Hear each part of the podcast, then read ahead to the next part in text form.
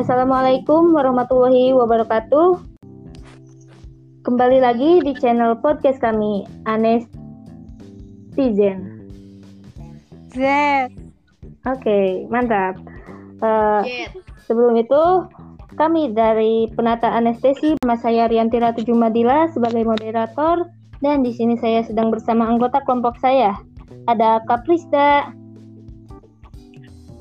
ada Kak Salsa, Hai.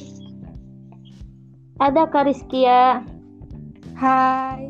dan ada Kak Muhammad Fatwa ya. Hai. Eh, apa kabar kakak-kakak semuanya? Alhamdulillah. Pulang sehat. Wah, ada yang galau, ada yang kurang sehat, ada yang baik-baik saja ya. Untuk yang sedang baik-baik saja, syukur alhamdulillah. Untuk yang lagi sedih dan galau, ayo semangat lagi. Dunia memang cukup sulit untuk kita mengerti ya. Oke. Eh, pembahasan kita hari ini adalah tindakan anestesi dan operasi bisa ditanggung BPJS dengan cara tanya jawab. Eh, sebelum itu saya akan bertanya kepada kakak-kakak yang lainnya, apa sih JKN itu? Ada yang tahu tidak? Eh, jadi JKN yang benar itu adalah Jaminan Kesehatan Nasional. Nah, sekarang ada yang tahu gak BPJS itu apa? BPJS adalah Badan Penyelenggara Jaminan Sosial. Oke, di sini saya akan menjelaskan sedikit pengertian dan perbedaan antara JKN dan BPJS. JKN atau Jaminan Kesehatan Nasional didefinisikan sebagai suatu sistem penjaminan yang berbentuk perlindungan kesehatan bagi setiap pesertanya untuk bisa mendapat manfaat, pemeliharaan kesehatan, dan perlindungan dalam pemenuhan kebutuhan dasar kesehatan. Penjaminan ini mencakup empat upaya kesehatan, yaitu promotif, preventif, kuratif, dan rehabilitatif, dan tidak terkecuali tindakan anestesi. JKN program pelayanan kesehatan dari pemerintah yang berwujud BPJS Kesehatan dan BPJS Ketenaga Kerjaan dan sistemnya menggunakan sistem asuransi. Sedangkan BPJS atau Badan Penyelenggara Jaminan Sosial sendiri adalah badan atau perusahaan asuransi yang sebelumnya bernama PT Askes yang menyelenggarakan perlindungan kesehatan bagi para pesertanya. Maka, bisa disimpulkan bahwa perbedaan di antara keduanya ini adalah bahwa JKN merupakan nama programnya, sedangkan BPJS merupakan badan penyelenggaranya yang kinerjanya nanti diawasi oleh DJSN, Dewan Jaminan Sosial Nasional. Padahal jelas sekali tindakan anestesi merupakan salah satu manfaat yang ditanggung oleh BPJS Kesehatan. Maka, merupakan tanggung jawab kita sebagai bagian dari tim anestesi untuk bisa mensosialisasikan bahwa tindakan anestesi bersama tindakan operatif merupakan manfaat kesehatan yang bisa diterima masyarakat. Lalu, bagaimana cara yang efektif untuk bisa mensosialisasikan manfaat BPJS Kesehatan untuk pelayanan anestesi? Ya, di sini kami akan mensosialisasikannya melewat di podcast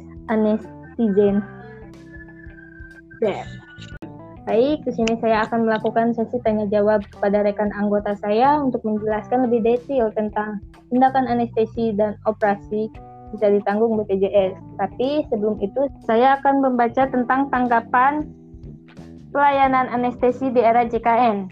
Pelayanan anestesi di era JKN yaitu saat ada yang ingin melakukan operasi atau saat akan melakukan operasi darurat, kita tidak perlu bingung. BPJS sekarang sudah bisa digunakan untuk operasi, apalagi untuk operasi yang mendesak seperti operasi cesar. Dan bahkan hampir semua biayanya ditanggung oleh BPJS.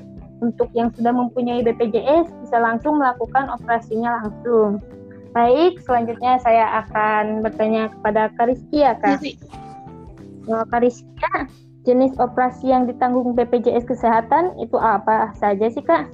Itu operasi yang ditanggung oleh BPJS uh, itu sangat banyak kak. Uh, contohnya uh, operasi jantung, sesar, kista, tumor, bedah mulut, usus buntu, mata, bedah vaskular, katarak, kanker, kelenjar getah bening dan lain sebagainya kak. Gitu Wah kak. banyak sekali ya. Iya kak sangat dan banyak. untuk Ya, untuk operasi seperti jantung itu biayanya sangat mahal, tapi kalau ada BPJS Kesehatan mungkin bisa dipermudah ya Kak? Iya Kak, uh, bahkan kita bisa tidak membayar Kak. Hmm, wah keren sekali ya BPJS ini. Oke deh, eh, selanjutnya saya akan bertanya kepada Kak Prisda. Tahap yang dilalui untuk menjalani operasi dengan menggunakan BPJS itu apa saja sih Kak?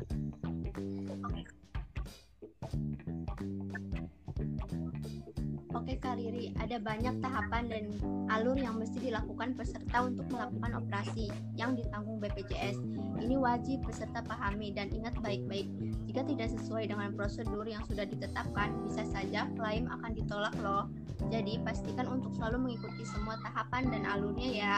Jika peserta membutuhkan operasi, maka ada tiga syarat yang harus dipenuhi yaitu kartu peserta BPJS Kesehatan asli atau kartu Indonesia Sehat atau KIS, surat rujukan yang dikeluarkan dari puskesmas, kartu pasien dari rumah sakit tempat rujukan yang di, yang didapat setelah mendaftar. Lalu, tahapan ketika peserta akan memakai BPJS untuk operasi, yang pertama adalah kamu harus berobat dulu ke fasilitas kesehatan yang sudah ditetapkan seperti puskesmas atau klinik kesehatan.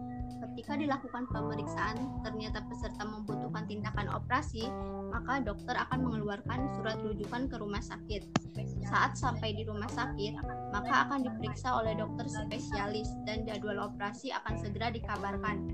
Bagi para peserta BPJS yang tiba di rumah sakit dan dalam kondisi gawat darurat, maka bisa melakukan tindakan operasi tanpa melewati alur. Hmm, jadi begitu ya kak. uh, untuk para peserta yang menggunakan BPJS dan membutuhkan operasi harus memenuhi tiga syarat ini ya semuanya.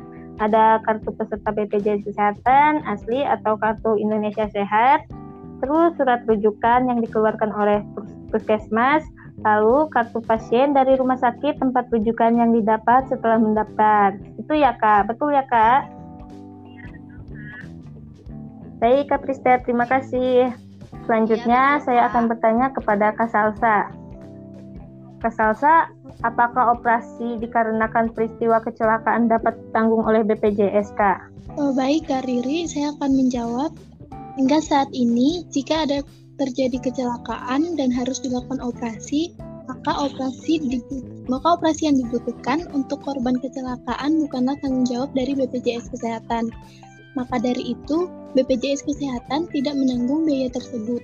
Tapi tenang saja, karena yang akan menanggungnya adalah jasara harja sebagai pihak yang berkewajiban menanggung semua korban kecelakaan di jalan raya. Jasara harja adalah asuransi untuk para korban kecelakaan lalu lintas di jalan raya. Gitu Kariri. Hmm, Kak, apakah ada lagi selain operasi kecelakaan yang tidak ditanggung BPJS, Kak? Uh, untuk operasi lain, ada operasi yang bersifatnya kosmetik atau estetika semata, ada operasi karena kejadian yang bisa melukai diri, operasi yang dilaksanakan di luar negeri, operasi yang menyalahi prosedur, dan operasi karena kecelakaan kerja. Hanya kali ini. Baik, Kak Salsa. Terima kasih. Selanjutnya saya akan bertanya ke Kak Pate. Apa perawatan bagi peserta JKN apabila setelah selesai operasi? Uh, setelah melakukan tindakan operasi, tentu perlu perawatan setelah operasi. Bisa dengan rawat inap atau ruang rawat jalan atau kontrol. Semua ini juga akan ditanggung oleh BPJS dengan mengajukannya sesuai dengan prosedurnya untuk perawatan setelah operasi ini bisa dipakai oleh peserta yang operasinya ditanggung oleh BPJS maupun yang tidak ditanggung. Jadi, misalkan peserta ternyata melakukan operasi di luar negeri dan tentu tidak ditanggung, BPJS bisa mengajukan perawatan setelah operasi dengan BPJS yang dimilikinya. Peserta bisa melakukan kontrol atau rawat inap yang nantinya semua itu ditanggung oleh BPJS. Tentunya harus selalu mengikuti prosedur yang sudah ditetapkan ya. Uh, baik Kak Pate, terima kasih Kak. Uh, Oke, okay, itu saja penjelasan tentang JKN dan BPJS tadi. Juga ada tindakan anestesi dan operasi bisa ditanggung BPJS. Sepertinya untuk sekarang cukup sampai di sini dulu ya. Mohon maaf apabila ada salah kata atau ada salah tentang penjelasannya. Kami mohon maaf. Ke Bandung pergi sendiri. Pulangnya bawa cek kekasih. Mantap. Sekian dari kelompok kami. Kami ucapkan terima kasih. Saya Rianti Ratu Jumadila. Salam sehat untuk semuanya. Wassalamualaikum warahmatullahi wabarakatuh. Waalaikumsalam.